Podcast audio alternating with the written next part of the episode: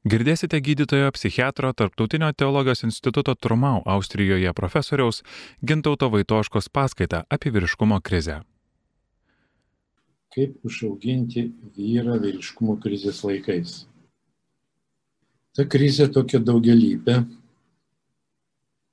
Turiu tokį bičiulį Austrijoje, kartą važiavo į traukinius, susipažino su mergina, kuri socialdemokratų partijai priklauso ir pasikvietė jį į socialdemokratų vasarišką pasibuvimą. Vienos žymioje daly praterėje soduose. Tai nuėjo ir pamatė, kad yra pats blogiausias žmogiškos būtybės variantas. Jis buvo ne socialdemokratas, tikintis į Dievą, baltasis, ne homoseksualios orientacijos ir vyras, kaip ir viską vainikuojantis trūkumas. Kur čia šaknis, tai socialdemokratų doktrinoje, Friedricho Engelso doktrinoje, tai vyras yra pirmasis kapitalistas. Žmona yra pirmoji proletarė, o vyras pirmasis kapitalistas. Žodžiu, klasių kova tarp jų vyksta ir dėl to tą jau kapitalistą, žinoma, reikia išversti iš sostų ir panašiai. Na ir čia tas rytis tokia pilna paradoksų, kadangi iš vienos pusės tai tas vyras verčiamas iš sosto ir kaip ir nemėgstamas stiprus vyras, bet kartu yra žinoma, kad, nu, tarkim, amerikietis, kokios nors verslo moteris labai aukštai užkopusios karjeroje uždirbančios ten šimtus tūkstančių per metus, vis tiek nori ištekėti už vyro, kuris už jas daugiau uždirba. Taip keistai gana. Nors jau pinigų tikrai netrūksta, bet ieško vis tiek ta vyro gale yra toks traukiantis dalykas. Ir dabar, kai vyrą mėginama kartais padaryti tokiu labai emocingu žmogumi, tai irgi paskui merginos kitos nustemba, kad vis tiek jom irgi nelabai gerai. Vokiečių žurnale Der Spiegel buvo toks straipsnis prieš keletą metų, kada jau tas užaugintas vyras toks, koks jis turėtų būti pagal politiškai korektišką variantą, labai jautrus, švelnus, vis laik išklausantis, greitai susijaudinantis ir verkiantis.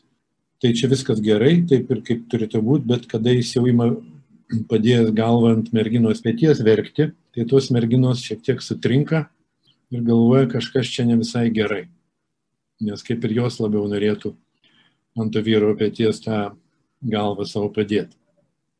Tas vadinamas emo boy, tokį tame žurnale vardintas, atsingas berniukas. Ir čia sudėtinga, kadangi kita vertus vyro jautrumas, kaip mes žinom ir viešpats Jėzus verkia, yra geras dalykas, bet turbūt tai yra skirtingas dalykas nuo kažkokio tokio, sakykime, nu, nebrandaus emocingumo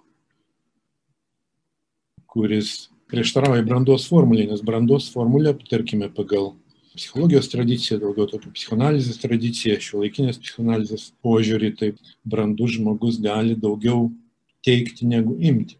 Pagrindinai teikti.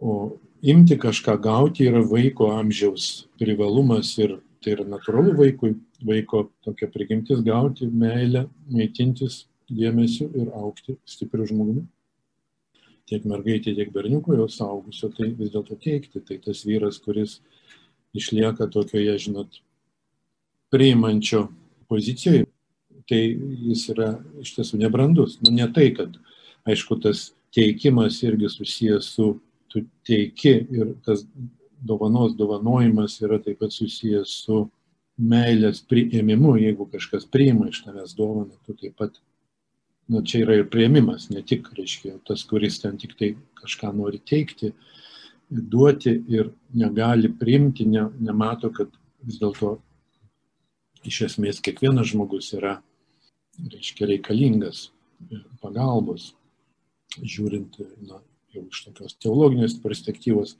sielos įžeistumo perspektyvos ir, ir tos nuodėmės perspektyvos.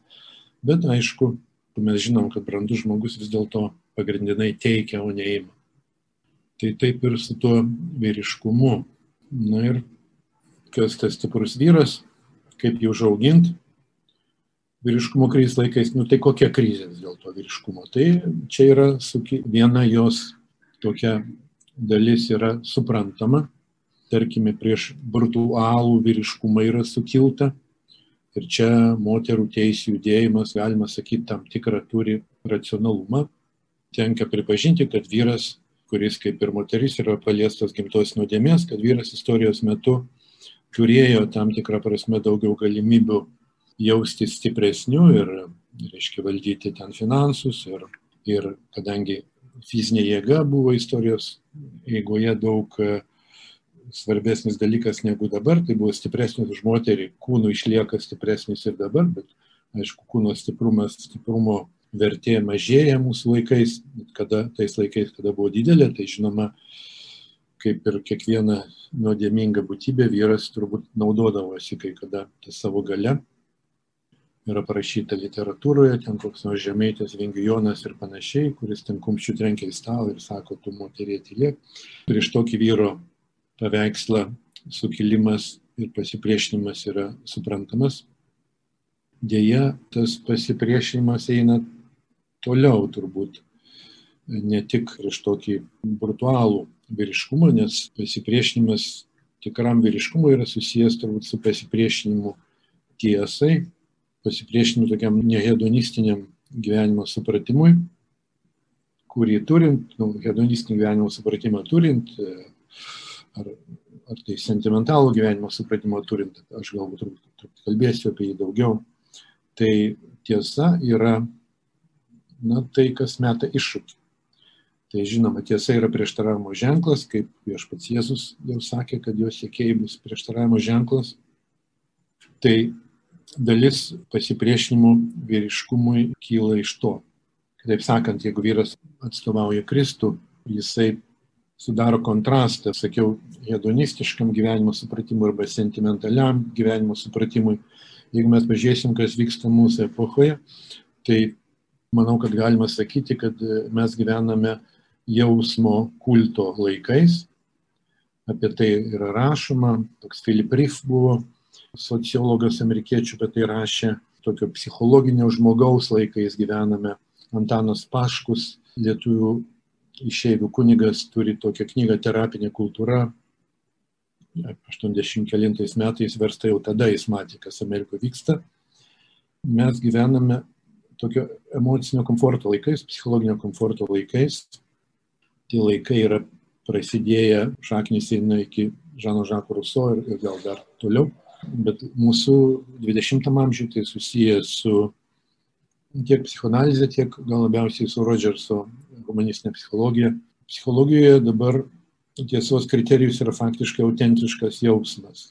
Jeigu tu kažką labai autentiškai giliai jauti, tai yra tiesa. Ir čia, nu turbūt vis tiek ryškiausiai tai atėjo su Karlu Rodžersu, kuris buvo labai įtakingas vakarų kultūroje ir tokie terminai kaip būk pats savimi, kokia tavo nuomonė, angliškai ten jie taip labai priimtinai skamba, reiškia, labai žinomai skamba reklamos šūkiuose, be yourself, be free, be yourself. Į reklamą net perėjo ten perki telefoną, reiškia, atrasi tokį šūkį. Čia yra vadinamas humanistinės psichologijos šūkiai Karlo Rodžerso, kuris teigia, kad tiesa yra tai, ką tu labai autentiškai giliai jauti ir taip pranyksta objektivus moralės kriterijus. Ir mes iš tikrųjų gyvenam tokiu laiku ir tiek dėja daugelis e, psichologijoje, psichoterapijoje dirbančių žmonių tokį turi tiesos supratimą.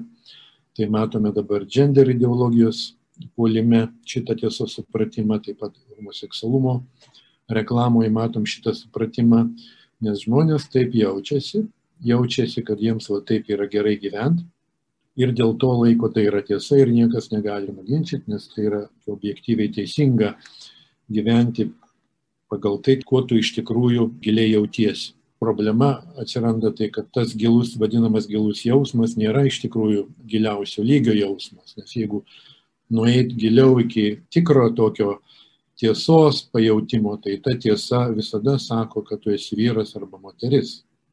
Ir taip pat jinai sako, kad jeigu tu esi vyras, tai tu esi skirtas moteriai arba pašvestam gyvenimui arba moteriai.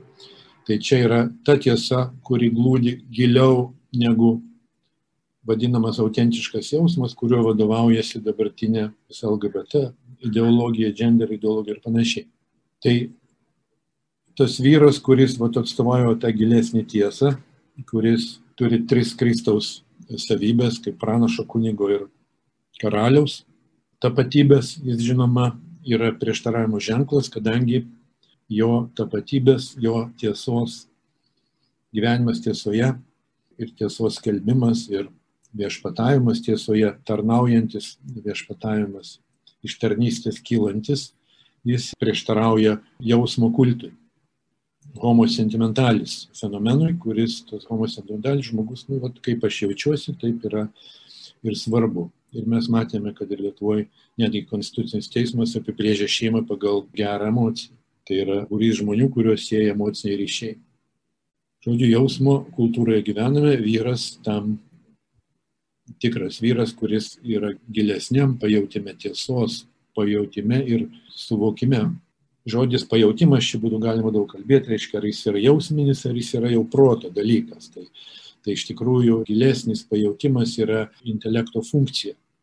Emocija turi kognityvinę tokią dimenciją ir tai nėra tik tai paviršutiniška emocija, gilesnis pajautimas. Tai mes, kada kalbam apie, apie virškumą, tai neturiu bejausmis toks, tai reiškia robotas, kuris tik taip proto kategorijas vadovaujasi ir, ir taip kareiviškai kaip tokį vyrą užauginti. Tai kaip užauginti tokį vyrą? Tai aš sakyčiau, reiktų apie du berniuko vystimosi tarpsnius kalbėti.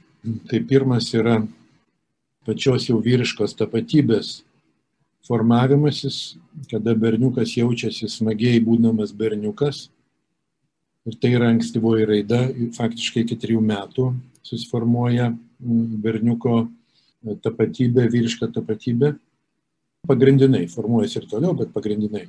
Ir kitas tap, vyriškos tapatybės formavimuose laikas yra, na, iš tikrųjų, užtrunka turbūt iki tol, kol jis tampa saugusiu vyru, tai per likusią vaikystę ir likusią paauglystę.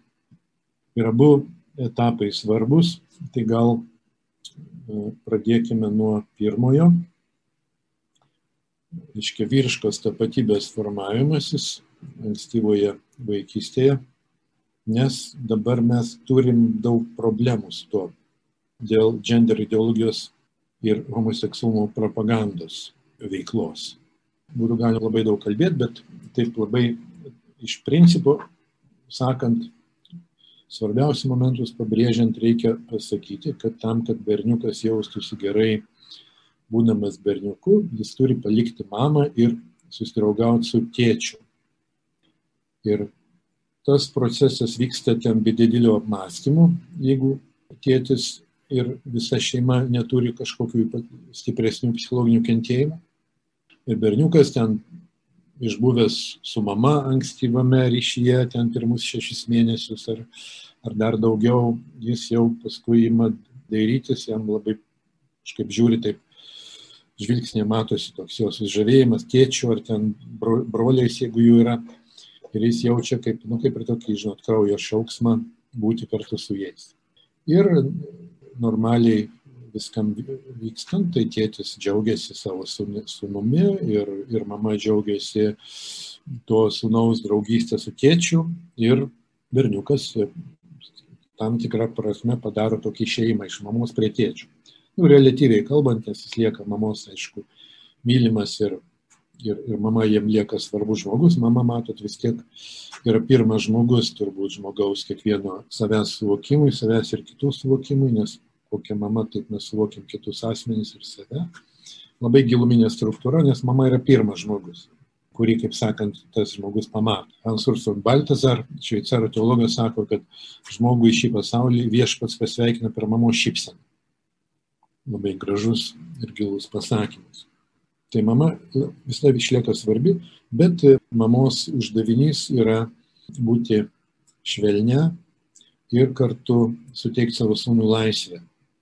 Reiškia tokia meilės švelni dimensija ir išlaisvinanti dimensija.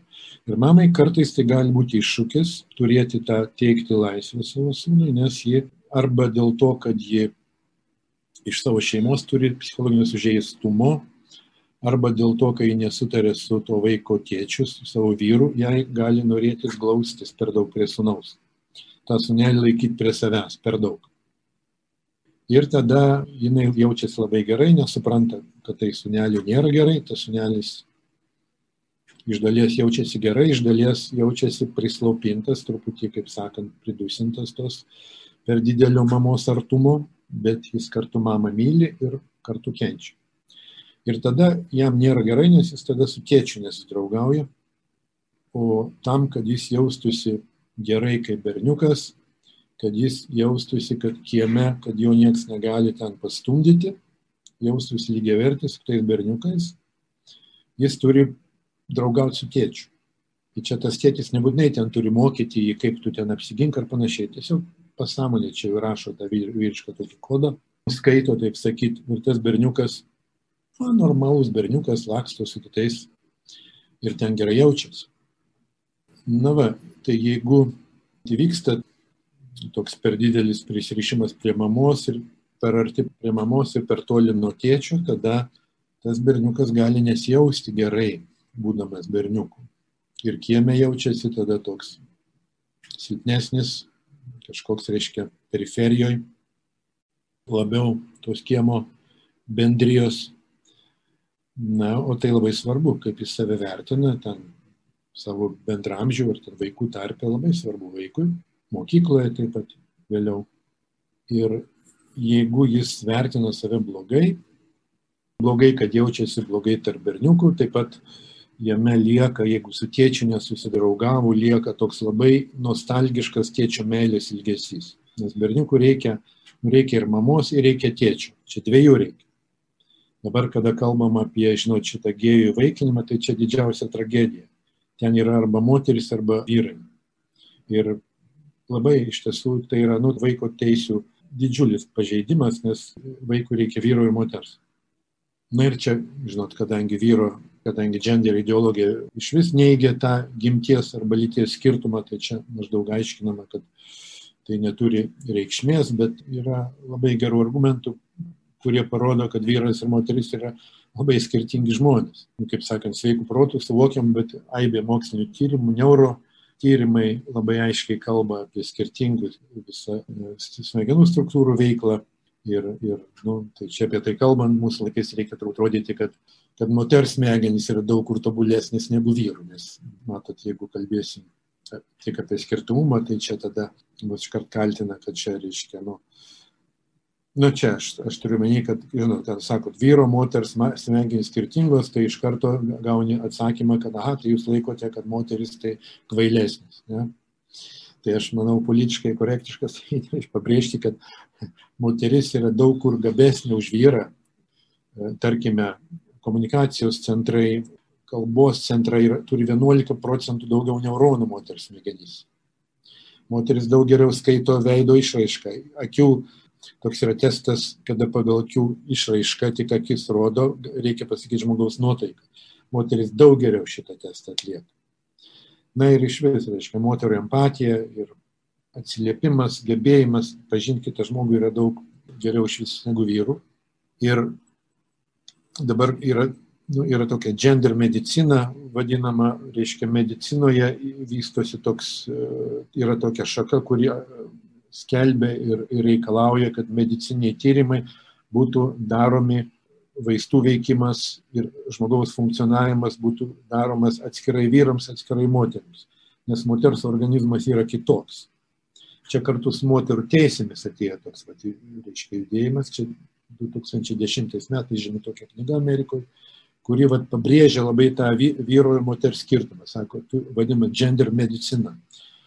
Moteris buvo savotiškai nuvertinta, nes visi medicinos tyrimai, visi rodikliai ten, kraujo ir panašiai kitų dalykų buvo, standartas buvo vyro organizmas. Tai yra neteisinga, nes moteris, moters organizmas gerokai skiriasi nuo vyro. Nu, ne tai, kad ir kraujo lastelių skaičius visada labai skiriasi, bet, bet yra tiesą sakant apie kraujo tyrimus. Tai, na, aš kodėl čia tai kalbu, tai kad iš tiesų mokslas prieš gender ideologiją, na, iš tiesų reiškia, gender ideologija yra tokia filosofijos, taip sakant, kryptis. Su mokslu neturi nieko bendro. Ir iš ties vyras ir moteris yra skirtingi ir vaikui reikia tėčio ir mamos, tėčio ir mamos, kad jis harmoningai auktų.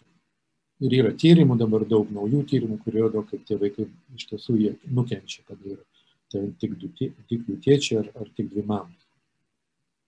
Kas vyksta, kada ta tapatybė ankstyvoji nesusiformuoja, lieka berniukas jaučiasi blogai tarp bendramžių, išlieka nostalgiškas ilgesys tėčiui, nostalgiškas toks, kadangi tėtis tai pirmas vyras.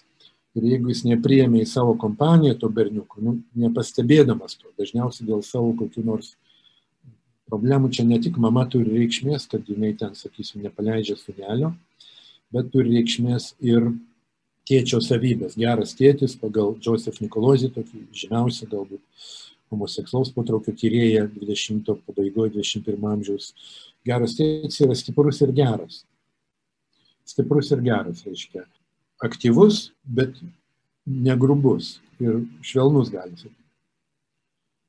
O tėtis, kuriam nesiseka su sunumi užmėgsti ryšio, yra kaip tik atvirkščiai, reiškia, jis yra, na taip, labai paprastai silpnas ir piktas.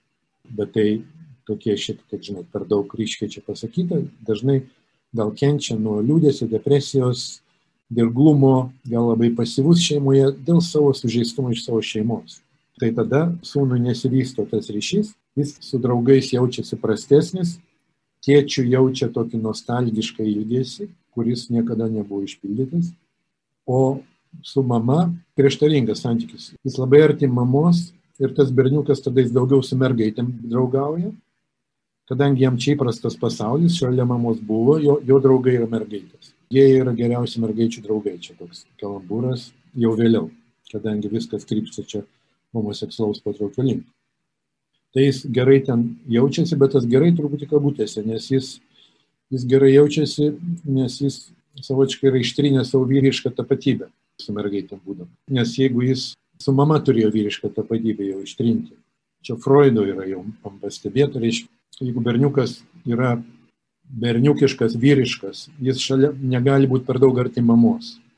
Ir čia netgi ankstyvoje vaikystėje taip yra, bet jeigu taip jau aiškiausiai galima matyti, pavyzdžiui, tokią situaciją, kada koks nori berniukas, kuris vystosi homoseksualia linkme, jam kokį ten 15 metų ateina su savo mama, kuri yra žydinti, kokių 35 metų moteris. Ir jis yra tas berniukas taip arti tos mamos, ten eina apsikabinęs ją panašiai, nu, kad aišku matosi, kad jeigu jis neslopintų savo vyriškumo, tai jis negalėtų būti taip arti mamos. Nes tarp mamos ir sunaus reikalinga tam tikras diskretiškumas. Jis negali būti per arti mamos. Ten ta mama negali nusirenginėti jo akivaizdoj, negali jo lovoje mėgoti, kas kartais atsitinka, reiškia ir panašiai. Tai tam berniukui, kuris ankstyvoj vaikystėje ta, turi tą raidos tokį sužeidimą, tapatybės sužeidimą, tai su berniukais jaučiasi silpnesnis, tėčio atžvilgių lieka nostalgiškas meilės ilgesys, tėčio meilės ilgesys, o su mama jis ten gerai jaučiasi, bet iš tikrųjų jis mamos ir prisibijo, kadangi ta mama ne tik švelni, bet ir kritiška dažnai būna jam, jeigu jis ten bėga nuo jos, jinai, žinot, nelabai nori leisti. Ir kartu laisvė, kada žmogaus slopinama, tai jis nesijaučia gerai. Čia iš vienos pusės tokie ambivalentiški jausmai. Tai su mama, su merginom jis jaučiasi, iš vienos pusės jam tai įprasta terpė, iš kitos pusės jis ten būna tik taip arti tų merginų, vis dėlto nebūdamas savimi.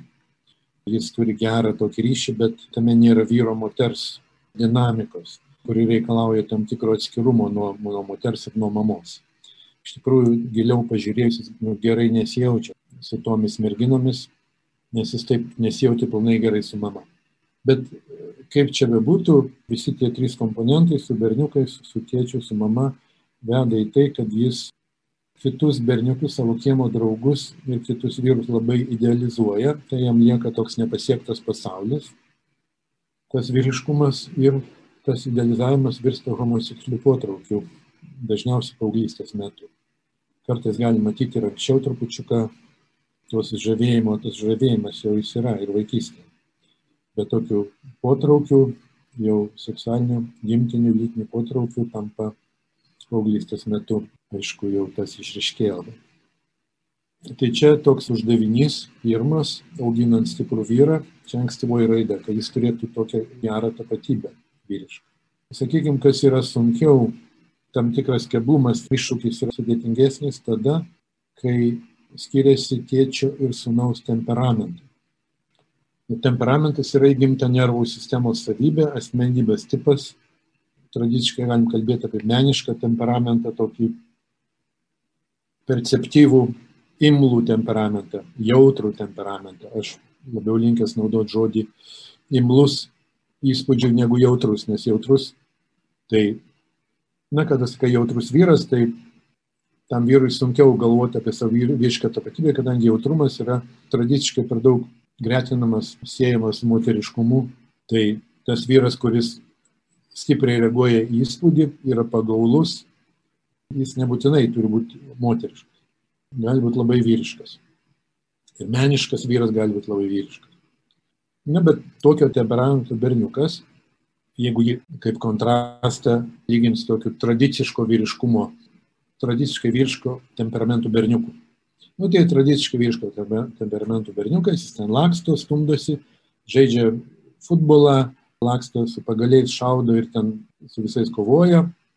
Ir savotiškai šitam berniukui yra šiek tiek lengviau nuo tos mamos pabėgti, nes mamai sunkiau jis sulaikyti, jis per daug judrus. Čia aš taip šiek tiek paprastinau. O tas berniukas, kuris yra toks imlus įspūdžiui, jis geriau tą mamą jaučia, ten jaučia jos liūdėsi daugiau ir jis labiau ją linkęs guost, lieka arčiau. O tėčiui, jeigu yra, tarkim, atletas veda poetę, aš čia taip paprastai. Ir dabar tas berniukas paveldi poetės genus tai tam atletui su šito mažu poetu dabar yra sunkiau negu su kitu futbolistu. Kartais būna net vienoje šeimoje. Du broliai, vienas atletas, kitas poetas. Nu, čia taip aš tik tai vaizdžiai kalbu.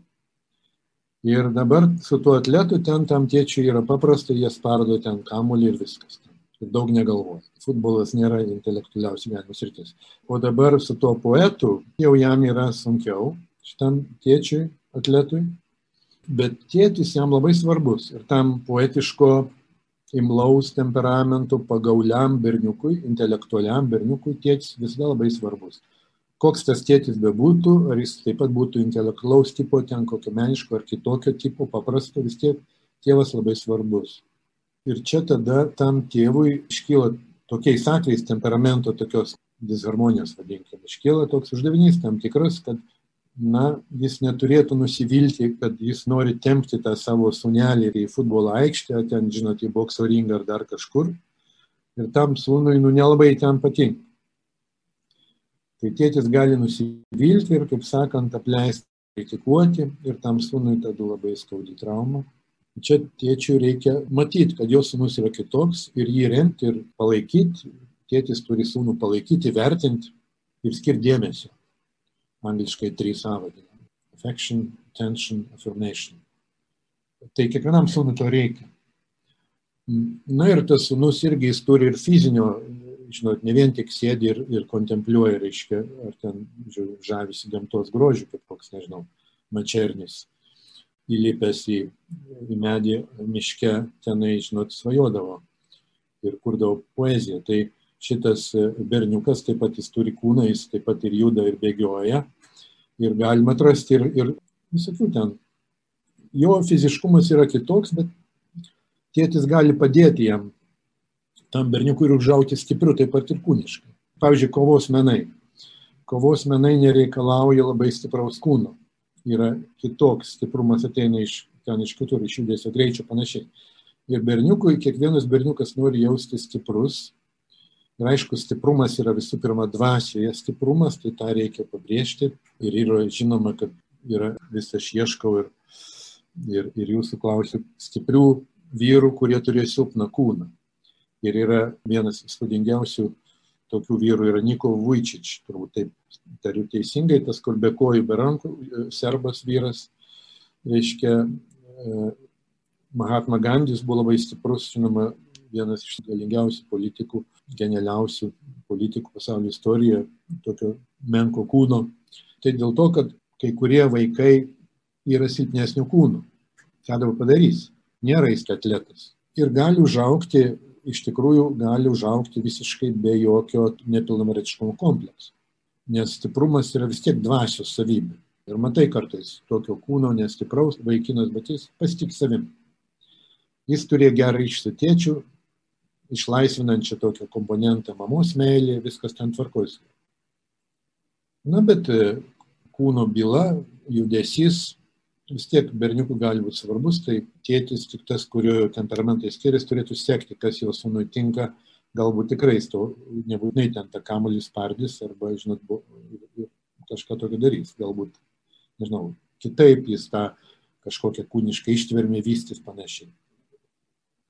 Tai čia apie homoseksualaus potraukio vystimas ir šiaip nėra daug, yra maždaug 1-2 procentai vyrų, kurie turi šitą potraukį.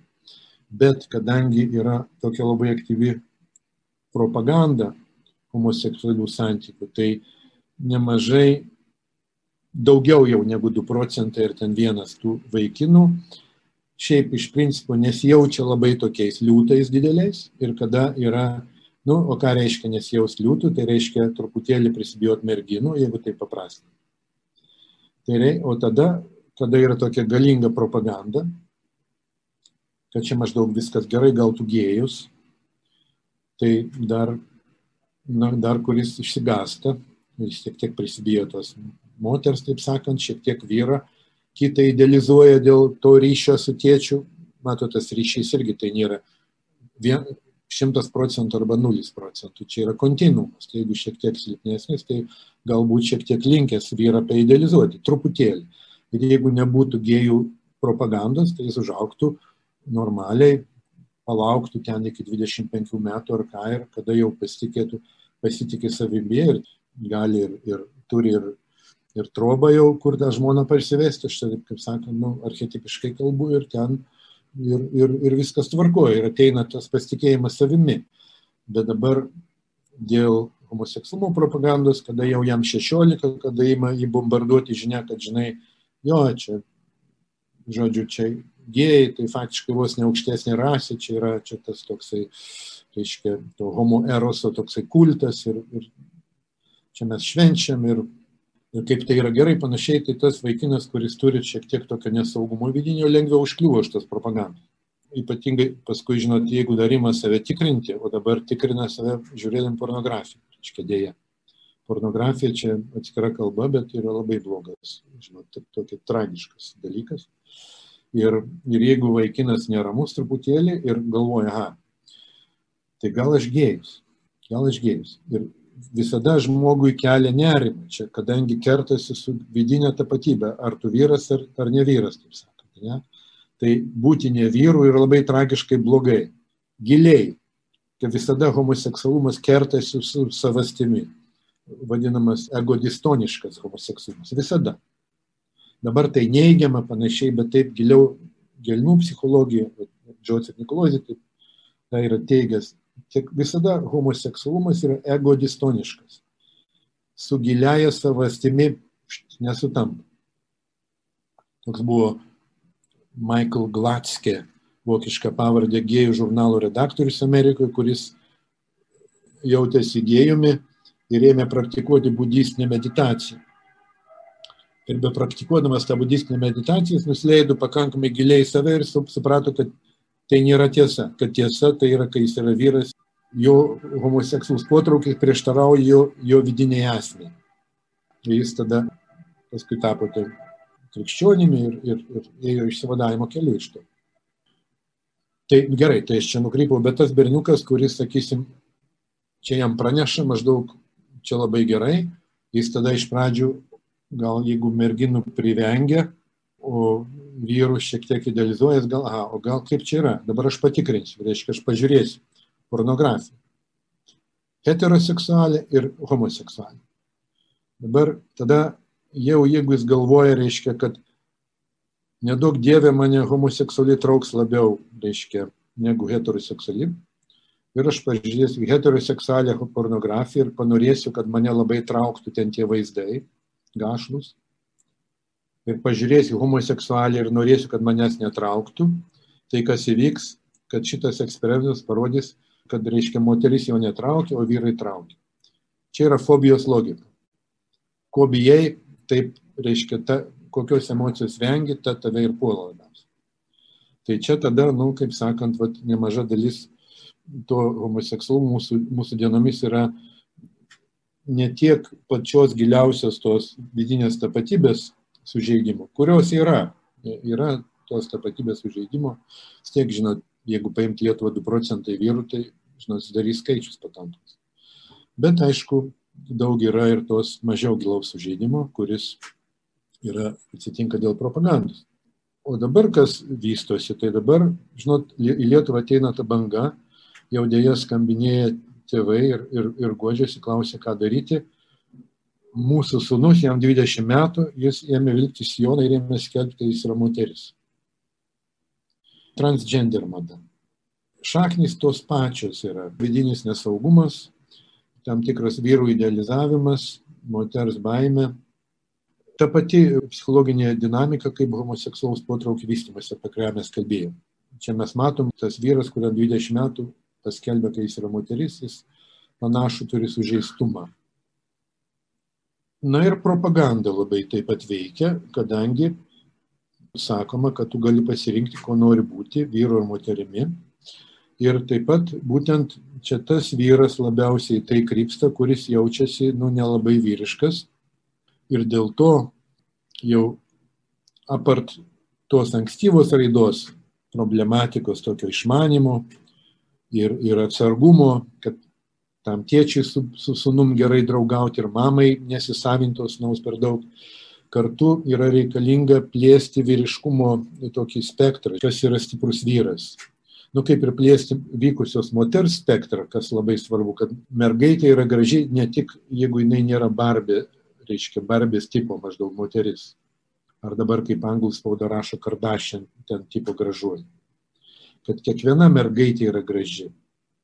Jos grožis glūdi vaisingumo galioje. Žinot, vaisingumas tai, kada daromi testai, koks veidas traukia vyrus jaunus, tai rodo veidus merginų ir jie sako, va šitas. Tai labiausiai traukia pagal vieną tyrimą 25 metų e, moteris e, vaisingumo ciklo viduryje. Reiškia, tie vyrai nežino, koks ten veidas ir kas ten su tam mergina daros, nei ten amžiaus nieko nežino. Bet sako, va šitas veidas gražiausias. Kame čia reikalas? Kas tas seksualumas? Žinot? Seksualumas yra vaisingumas, jeigu taip jau sakyti. Tai yra gimties gale. Gimtiškumas, lytiškumas irgi, manau, lietuviškas žodis geresnis, gimtiškumas, sinonimas žodynė, nes kalba iš kur ta lytiškumas tai skirtinga forma, o dar gimtiškumas, gimtis pasako, kodėl ta norma, forma vyro ir moters skirtinga, dėl to, kad vyras gali tapti tėvu, moteris motina. Daugiau argumentų nėra dėl to, priežasčių jokių kitų. Tai formai būti skirtingai. Na tai kiekviena mergina graži. Ir mergaitės dabar plūsta į lyties keitimo klinikas, tai tos, kurios galvoja, kad jos yra negražios. Čia visi tyrimai rodo. Ir čia susijęs tokiu kūno kultu Tai ir, nu, mes gyvenam kūno laikais, tokio, žinot, sentimentalumo ir hedonistiniškais laikais, tokio, kaip sakoma, vystosi visuomenės pubertizacija, toksai paauglio kultas vyksta. vyksta. Kodėl paauglio kultas? Dėl to, kad paauglys yra jaunas, turi pilną fiziškų jėgų ir kiekvienas pagyvenęs respektabilus europietis nori būti lygiai taip pat stiprus ir taip pat šokinėti jaunatviškai kaip tas paauglys. Tai reikia pažiūrėti Mick Jaggerį, kuris tebe šokinėja, jam virš 70, turbūt turi kažko išgerti gerokai, reiškia, prieš tą pašokinėjimą, bet, bet jam, reiškia, pavyksta. Tai čia dabar vat, žmogaus vyro idealas. Tai pubertizacija. O ką reiškia tam paaugliui, kad tu ar, arba tu esi toksai, žinote, kaip Švarcenegeris, arba tu esi niekas, reiškia. O mergaitė arba tu kaip barbė, arba niekas esi. Reiškia, visiškai nevykus. Tai reikia plėsti vyrų spektrą. Kiekvienas vyras yra stiprus, taip pat ir tas jautrus, meniškas ir galbūt nestipraus kūno stiprumas yra dvasios savybė. Labai svarbu liesti spektrą. Mes čia aptarėm, kas ta vyriškumo krizė, savotiškai nuo vyro galia nemėgstama ir tas vyras, aišku, meta iššūkį, bet vyras, kuris nesijaučia stiprus, jam sunku. Ir mes čia aptarim tą pirmą vis dėlto etapą, tai gal kada, jeigu bus entuzijazmo išgirsti apie antrą jau etapą po ankstyvos vaikystės, kada reikia suformuoti vyro pasaulyje žiūrą, kuriai hedonistinė visa aplinka prieštarauja. Mes nekalbėjom, taip pat svarbu. Bet galbūt vis dėlto šita pirmoji dalis tos tapatybės formavimuisi gal yra vis dėlto svarbesnė, nes nemažiausiai žinom. Tai va tiek. Girdėjote gydytojo psichiatro, Tarptautinio teologijos instituto Trumau Austrijoje profesoriaus Gintauto Vaitoškos paskaitą apie vyriškumo krizę.